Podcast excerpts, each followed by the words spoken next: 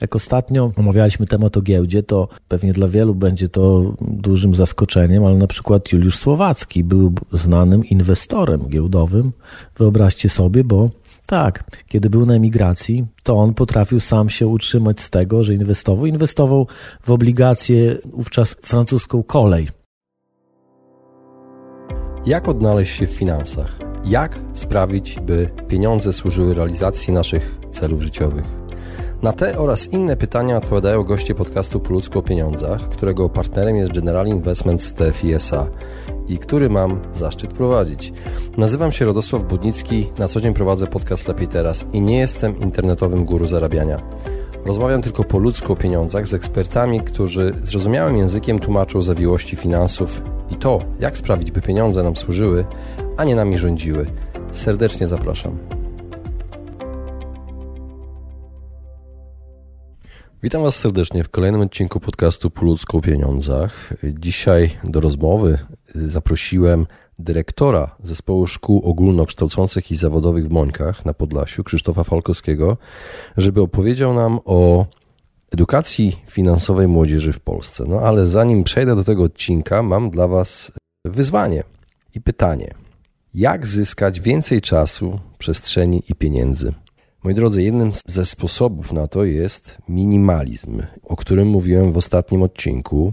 Mamy dla Was y, propozycję. Zapraszamy Was do dołączenia do naszego kwietniowego wyzwania. Hashtag mniej w 30 dni.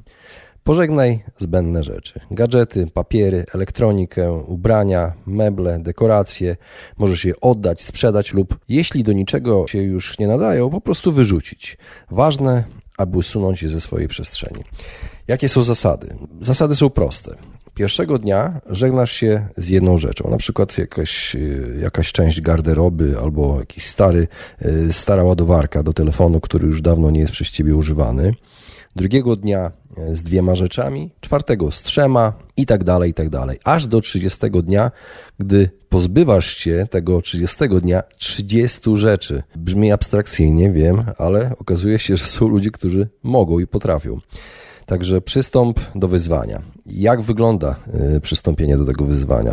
To jest proste. Po prostu oznaczasz hashtag mniej, słowo mniej, na swoim profilu na Facebooku, Instagramie i dzielisz się zdjęciami z tych porządków. Na przykład fotografujesz te, te rzeczy, których się pozbywasz. Możesz je oddać oczywiście też, nie musisz wyrzucać, możesz się z kimś podzielić. Inspiracją są tak zwani The Minimalists, czyli minimaliści, Joshua Fields Milburn i Ryan Nicodemus, bohaterowie filmu Minimalism Less is More. A teraz Was wszystkich zapraszam do wysłuchania dzisiejszego odcinka. Cześć Krzyśku. No witam, witam, cześć. Witam Cię serdecznie w podcaście Po ludzku o pieniądzach. Bardzo dziękuję, że zgodziłeś się wystąpić. Jakbyś na początek mógł powiedzieć słuchaczom, czym na co dzień zajmujesz się zawodowo? Jestem dyrektorem zespołu szkół ogólnokształcących i zawodowych w Mońkach, nauczycielem. Pracuję w edukacji generalnie. Dwie szkoły masz pod sobą, z tego co wiem. Wiesz, tak? to jest zespół szkół, czyli taki kompleks, liceum ogólnokształcące, szkoła branżowa, technikum, nawet szkoła specjalna przysposabiająca do pracy, internat. Także czyli w sumie... full opcja, można powiedzieć, jeżeli chodzi o szkolnictwo ponadpodstawowe. I ilu uczniów y, jest twoimi podopiecznymi? Tak. Około 600. Około 600. Zaprosiłem Cię do podcastu Po o pieniądzach, bo chciałbym z Tobą porozmawiać o finansach osobistych, więc zacznę może od, od takiego osobistego pytania. Czy pamiętasz swoje pierwsze zarobione pieniądze? Tak, no wiesz, to pewnie te pierwsze to wielu z nas miało takie, że sobie gdzieś tam zbierało i komunię miał człowiek, tak i później zbierał na różne tam rzeczy, typu rower, zegarek w tamtych czasach. Tak, ale ja gdzieś tam w latach 90. to chciałem zostać gitarzystą zespołu rockowego, więc że tak powiem, potrzebowałem pieniędzy na gitarę, plus do tego jeszcze jakiś wzmacniacz, tak, który by mi pomógł. No i tak naprawdę pierwsze zarobione pieniądze to poszły na to. Do tej pory ta gitara gdzieś tam jest. Jak, Jak zarabiałeś te pieniądze? No wiesz co, to takie nazwijmy to, to były dorabianie gdzieś tam weekendowe na takich eventach, dawniej to pewnie byśmy powiedzieli na festynach, jakiś catering, tego typu tematy. Pracowało się z ludźmi, więc to też fajne doświadczenie, ale tak jak mówię, no może nie są to jakieś duże pieniądze, tak, ale pozwoliły po jakimś tam tym systematycznym odkładaniu to żeby ten spełnić te swoje, nazwijmy to, tamte ówczesne marzenie i ta gitara gdzieś się pojawiła. No, wzmacniasz może nie do końca, ale... ale po latach też i wzmacniasz się pojawił, więc to... No już na pewno.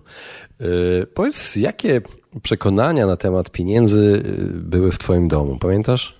Jasne, wiesz co, powiem ci tak, że to było taka zasada chyba, którą do dziś pamiętam, że jednak kredyty to były naprawdę takie już w ostateczności. Zawsze mi powtarzano, żeby się nie zadłużać. Nie? To była taka, taka maksyma, która, która była w domu.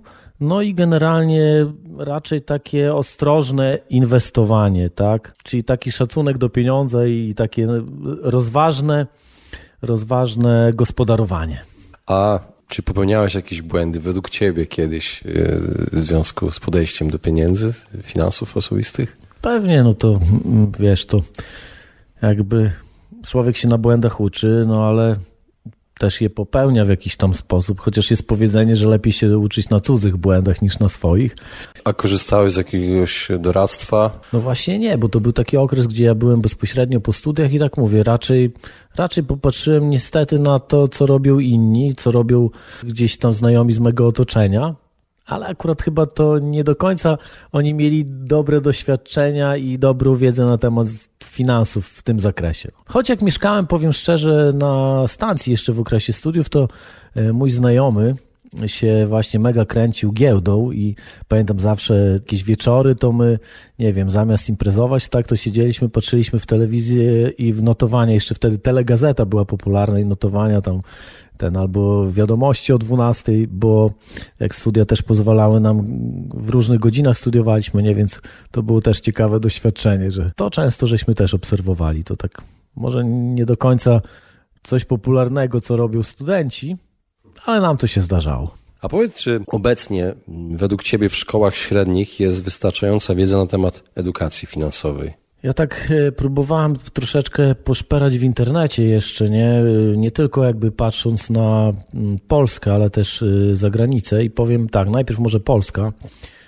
Szkoła podstawowa, uważam, że tutaj można naprawdę byłoby zrobić więcej, bo nie ma faktycznie takich przedmiotów nawet, które pokazywałyby, jak gospodarować pieniędzmi, tak, mówiłyby o finansach.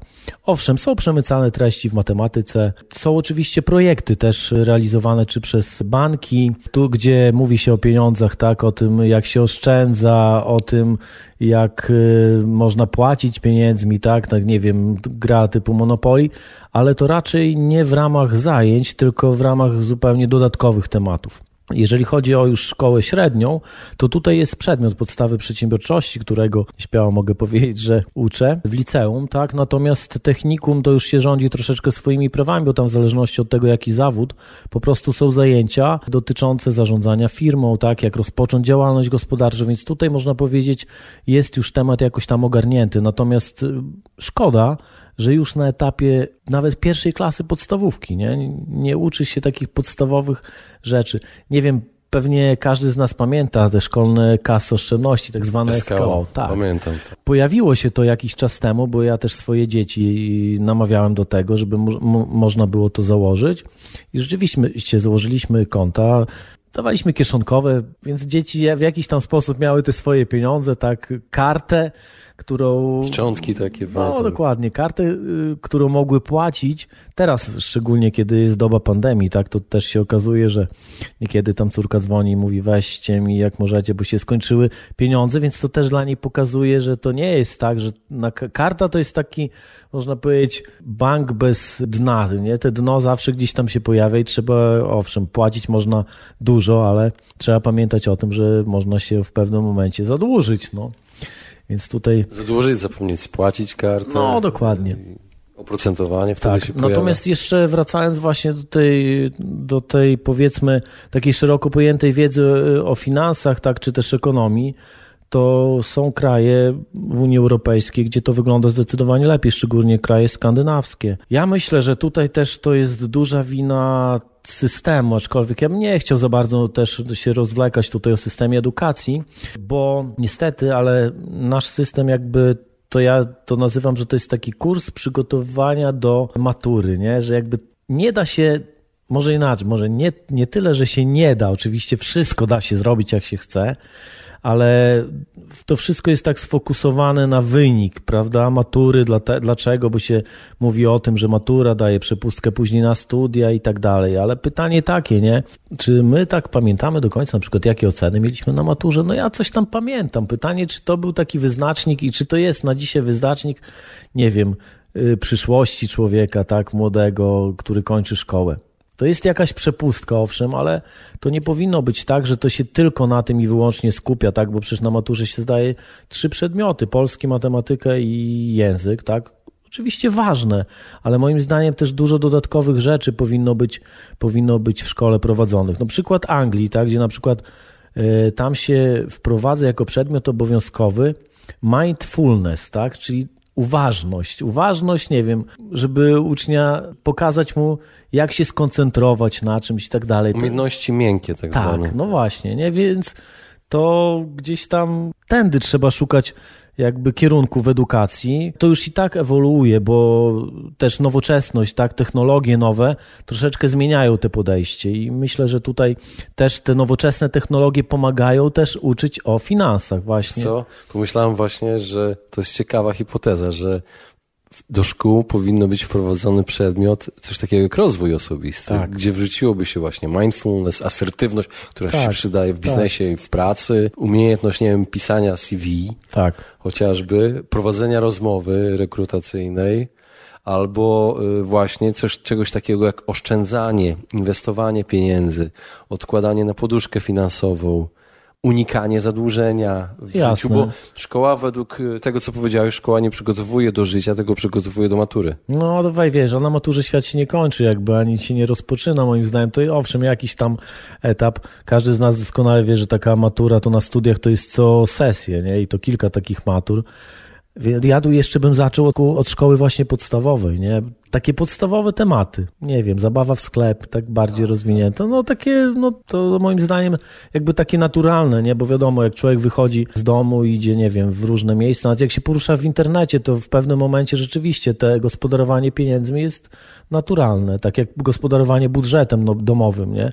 Nawet powiem w ten sposób, nie? Że to rodzice powinni, i myślę, że tak jest w wielu miejscach, uczyć swoje dzieci i razem z nimi pewne rzeczy nawet omawiać po to, żeby dzieci dzieci miały świadomość, tak jak to wygląda, że te pieniądze to nie spadają z nieba, że tych pieniędzy nie, nie ma jakichś nieograniczonych ilości, tylko właśnie nie na wszystko stać, to nie wszystkie dzieci potrafią zrozumieć. A gdyby bardziej były włączone w to, plus do tego jeszcze taka praktyka w szkole, to by pewnie było też w przyszłości zupełnie inaczej. No. Albo uczulanie też na to, że w internecie też są różnego rodzaju pułapki. Czyli na przykład, jeżeli jakaś gra jest za darmo w internecie, nie znaczy, że jest za darmo, bo każe się, że musisz dokupić jakieś tam punkty, jakieś, jakieś, no tak. jakieś coś. Wiesz, jak funkcjonują takie gry.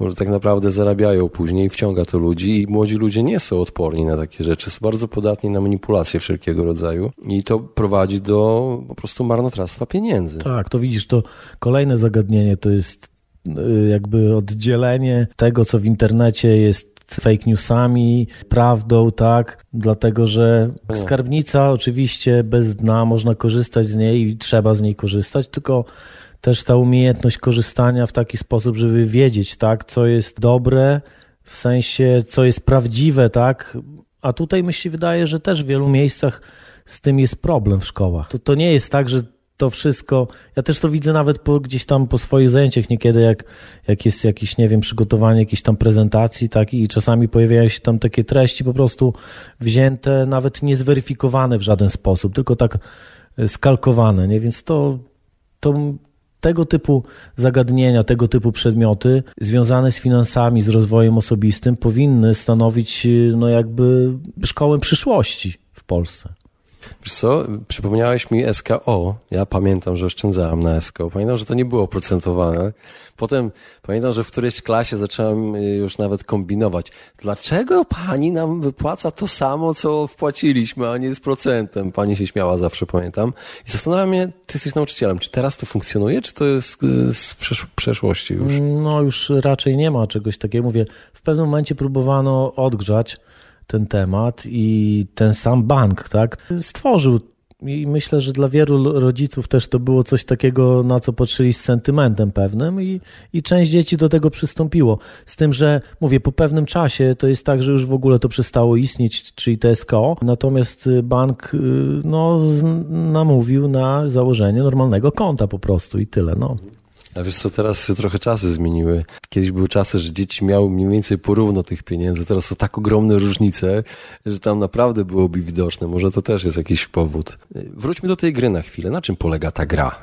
Yy, mówisz, że branżowa symulacja biznesowa. Na czym polega ta gra? Jak to wygląda? Znaczy to fajny bardzo temat, nie? bo to jest, można powiedzieć, taka wirtualna firma, czy z kilka branż jest do wyboru.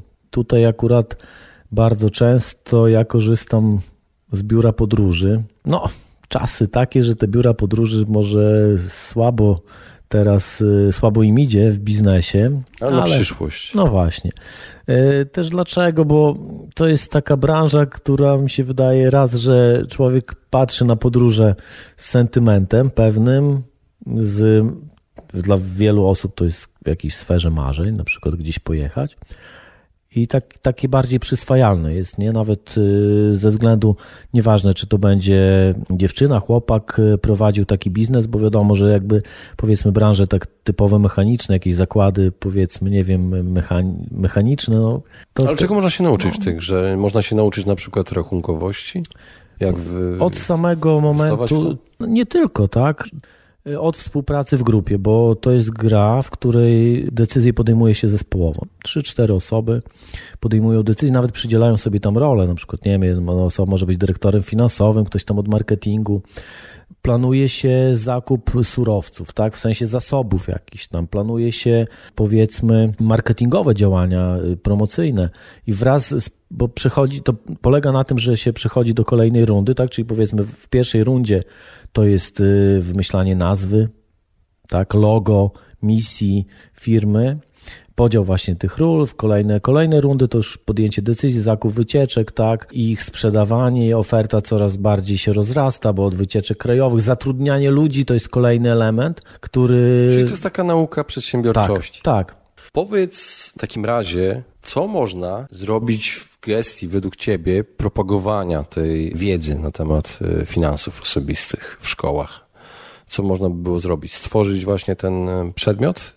Czy coś jeszcze można by było wprowadzić może do obecnych przedmiotów? Znaczy fajnie się sprawdzają te, takie rzeczy, jakby praca metodą projektów, czyli tutaj praca metodów projektów to może być wyglądać w ten sposób, że właśnie różne dyscypliny, tak, różne przedmioty można wpleść do rozwiązania jakiegoś konkretnego problemu. No, jeżeli, nie wiem, będzie mowa o budżecie albo chcemy założyć firmę, tak, i krok po kroku chcemy to zrobić, od y, rozważania możliwości, nie wiem, tam kredytowych, po jakieś pozyskanie dofinansowania z innego źródła, założenie firmy i tak dalej, biznesplan, to tutaj przecież kilka, to jest, to jest kwestia interdyscyplinarna, bo tam są wyliczenia, więc matematyka będzie wchodziła w grę, ale też w wielu miejscach kompetencje miękkie, czyli takie typowo humanistyczne umiejętności, więc mi się wydaje, że to jest fajne pole do działania, niekoniecznie jako odrębny przedmiot, tu owszem, E, już mówiliśmy o tym wcześniej, tak, że pewnie tego jest za mało i to należałoby rozważyć, ale też w samej szkole powinno być tak, że nauczyciele różnych dyscyplin powinni więcej współpracować ze sobą na rzecz takich praktycznych rozwiązań, które sprawdzają się w codziennym życiu, a dotyczą właśnie finansów. A powiedz, jak wygląda proces przekazywania takiej wiedzy, nowej wiedzy, która się pojawia, bo świat się zmienia, pojawiają się technologie, pojawiają się różnego rodzaju usługi i właśnie takiej wiedzy dotyczącej finansów do szkół. Jak wygląda ten proces, żeby to weszło do szkół? Mm, to znaczy, mi się wydaje, że internet to jest takie bogate źródło wiedzy, YouTube, tak? Nie wiem, no korzystanie z czyichś doświadczeń. Ja też jeszcze jak to było przed pandemią, to zapraszałem na zajęcia, tak. To nie było, że na każde zajęcie oczywiście, tylko raz na jakiś czas przedsiębiorców, którzy dzielili się swoimi doświadczeniami biznesowymi.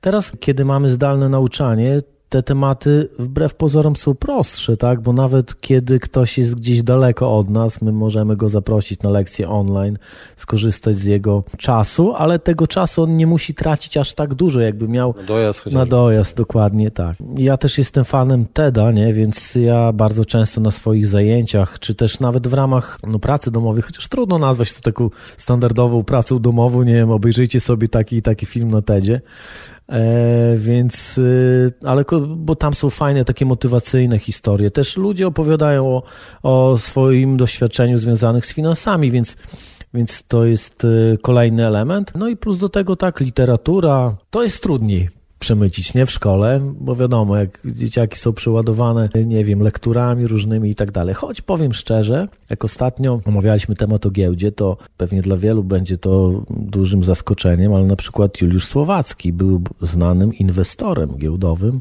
Wyobraźcie sobie, bo tak, kiedy był na emigracji, to on potrafił sam się utrzymać z tego, że inwestował. Inwestował w obligacje wówczas francuską kolej no i potrafił na swoje dzieła i na swoją literaturę zarobić, więc jak to się... była połowa XIX wieku, tak, kiedy wchodziła tak, Tak, tak, tak, tak, więc to powiem tak, dużo takich historii pewnie by nas zaskoczyło, gdybyśmy sobie w tej literaturze e, pogrzebali, tak, ale, ale to są ciekawostki takie, które, które warto na pewno, warto o nich mówić, nie, bo to ostatnio naprawdę zagrało na lekcji. Jak się mówiło o Słowackim, który gdzieś tam uczniom kojarzy się Czasami, poezją. no tak. z poezją dokładnie, a tu nagle się okazuje tak, gość, który na tą poezję potrafił zarobić, bo w tamtych czasach niełatwo było z tego żyć po tak, prostu, nie? dokładnie. I ostatnie pytanie na koniec, jak ty sam czerpiesz wiedzę e, finansową, skąd najczęściej, jeżeli chcesz się czegoś dowiedzieć? Książki, podcasty, YouTube to myślę, że takie podstawowe źródło wiedzy na dzisiaj. No i też rozmowy z ludźmi, też obserwacje pewnych jakby zachowań, tak, bo rozmowy, patrzenie na, na ludzi, tak, na ich doświadczenia, ale tych, też jak oni opowiadają o tym.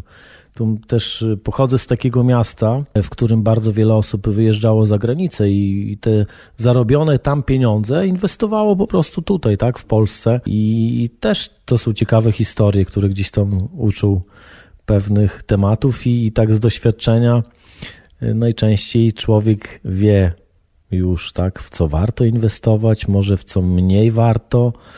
E, trzeba uważać. No, dokładnie, dokładnie tak. Co, na co trzeba uważać? A pewnie jest tak, że im człowiek jest bardziej świadomy pewnych tematów, to, to moim zdaniem podejmuje te decyzje racjonalniej, ale też mniej ryzykownie. Ja pamiętam też, jak w mojej klasie w liceum, tak jak y, się uczyliśmy, to były takie osoby, które można powiedzieć trochę obuzowały i tak dalej. No ja to raczej byłem takim grzecznym, chociaż miałem też tam jakieś różne tego Jesteś typu... dyrektorem tak, zespołu tak, szkół nie mogę mówić, nie możesz mówić, że byłeś Tak, ale i co się okazało, nie, że oni później jakby też wykorzystywali tą swoją taką, takie umiejętności, takie niepokorne, i bardzo często nie bali się zaryzykować. Gdzieś założyli firmę, nie znali języka, po czym okazało się, że potrafili się tego języka nauczyć bardzo szybko, mimo tego, że w szkole dostawali słabe oceny. Potrzeba to by. Tak, i, i naprawdę patrząc, mówię, na ich życie teraz, to kiedy często w szkole ktoś mówił, ucz się, bo niczego nie osiągniesz, będziesz miał słabe oceny, to tego, to się okazuje, że to jakby, to nie jest tak, że to oceny warunkują coś, raczej charakter, ale też taki pewien upór, ciężka praca. I nie? inteligencja finansowa, tak, jest coś tak, takiego. Tak, tak, tak, tak. Krzysztofie, bardzo dziękuję Ci za rozmowę. Dzięki. Właśnie wysłuchaliście podcastu Po ludzku o pieniądzach. Mam nadzieję, że Wam się podobało. Jeśli tak, poświęćcie swój czas, proszę pozostawić swoją recenzję na Apple Podcast. Jeżeli macie pytania lub propozycje dotyczące kolejnych audycji, piszcie do mnie na fanpage'u Po ludzku o pieniądzach i do usłyszenia następnym razem. Pozdrawiam serdecznie.